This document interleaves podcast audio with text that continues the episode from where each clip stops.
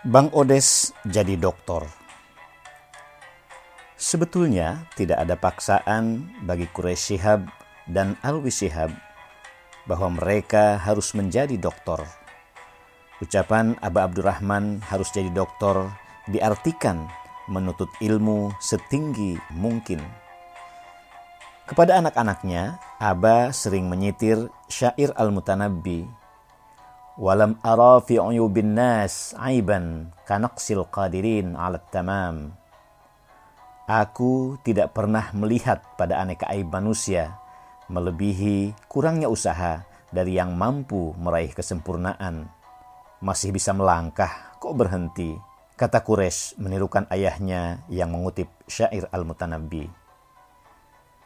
Meskipun tidak ada paksaan, Quraisy tetap merasa utang belum lunas Cita-cita menjadi doktor tetap ingin ia tunaikan. Setelah malang melintang dengan berbagai jabatan, berkeluarga, Quraisy kembali ke Al-Azhar. Untuk mewujudkan janji, ia kembali mendalami studi tafsir, sama seperti jurusan yang ia ambil di strata 1 dan strata 2. Kali ini suasananya berbeda. Quraisy tidak lagi tinggal di asrama. Fatmawati, istri Quraisy, ikut membawa dua balita, Ella Najela Shihab dan Nana Najwa Shihab.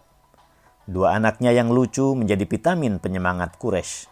Semangat belajarnya pun berbeda dibanding saat ia meraih master. Istri saya sangat berperan besar, kata Quraisy memuji istrinya, Fatmawati. Masakan Fatma yang lezat menguntungkan Quraisy. Banyak mahasiswa yang datang ke rumahnya untuk membantu menuliskan disertasi. Mereka membantu karena hormat pada saya. Master masih jarang. Lagi pula mereka senang karena masakan istri saya enak. Canda Quraisy. Quraisy menjadi dokter ketiga dari Indonesia di Mesir. Sebelumnya ada anak Betawi, Nahrawi Abdus Salam, disusul Zakiyah Darajat. Nahrawi dan Quraisy sama-sama dari Al-Azhar, sedangkan Zakiyah dari Universitas Ain Shams Kairo. Tekad yang kuat, juga dorongan istri dan anak-anak membuat Quraisy meraih gelar doktor dalam waktu setengah tahun. Disertasinya berjudul Nazmud Durar lil Biqa'i, Tahqiq wa Dirasah.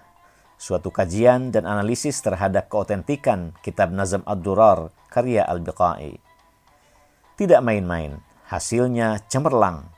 Ujian doktoralnya dianugerahi predikat tertinggi, Mumtaz ma'a martabah asyarab al-ula alias summa cum laude.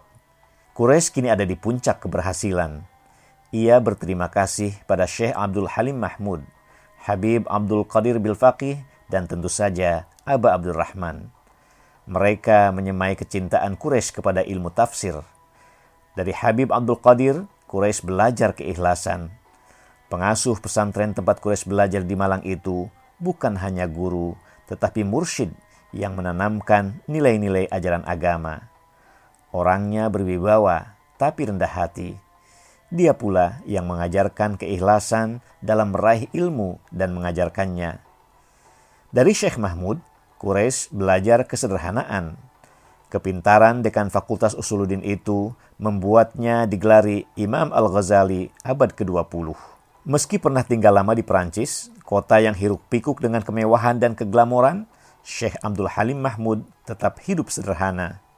Ingatannya melayang jauh ke suasana rembang petang di Makassar. Selepas maghrib, Aba menanamkan rasa cinta kepada Al-Quran.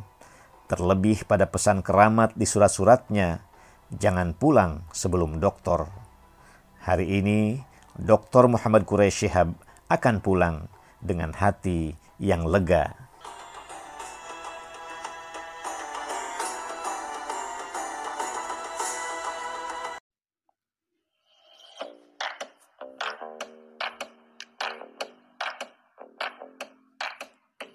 Simak terus kisah-kisah unik dan inspiratif dari buku Cahaya Cinta dan Canda Muhammad Quraisy Shihab.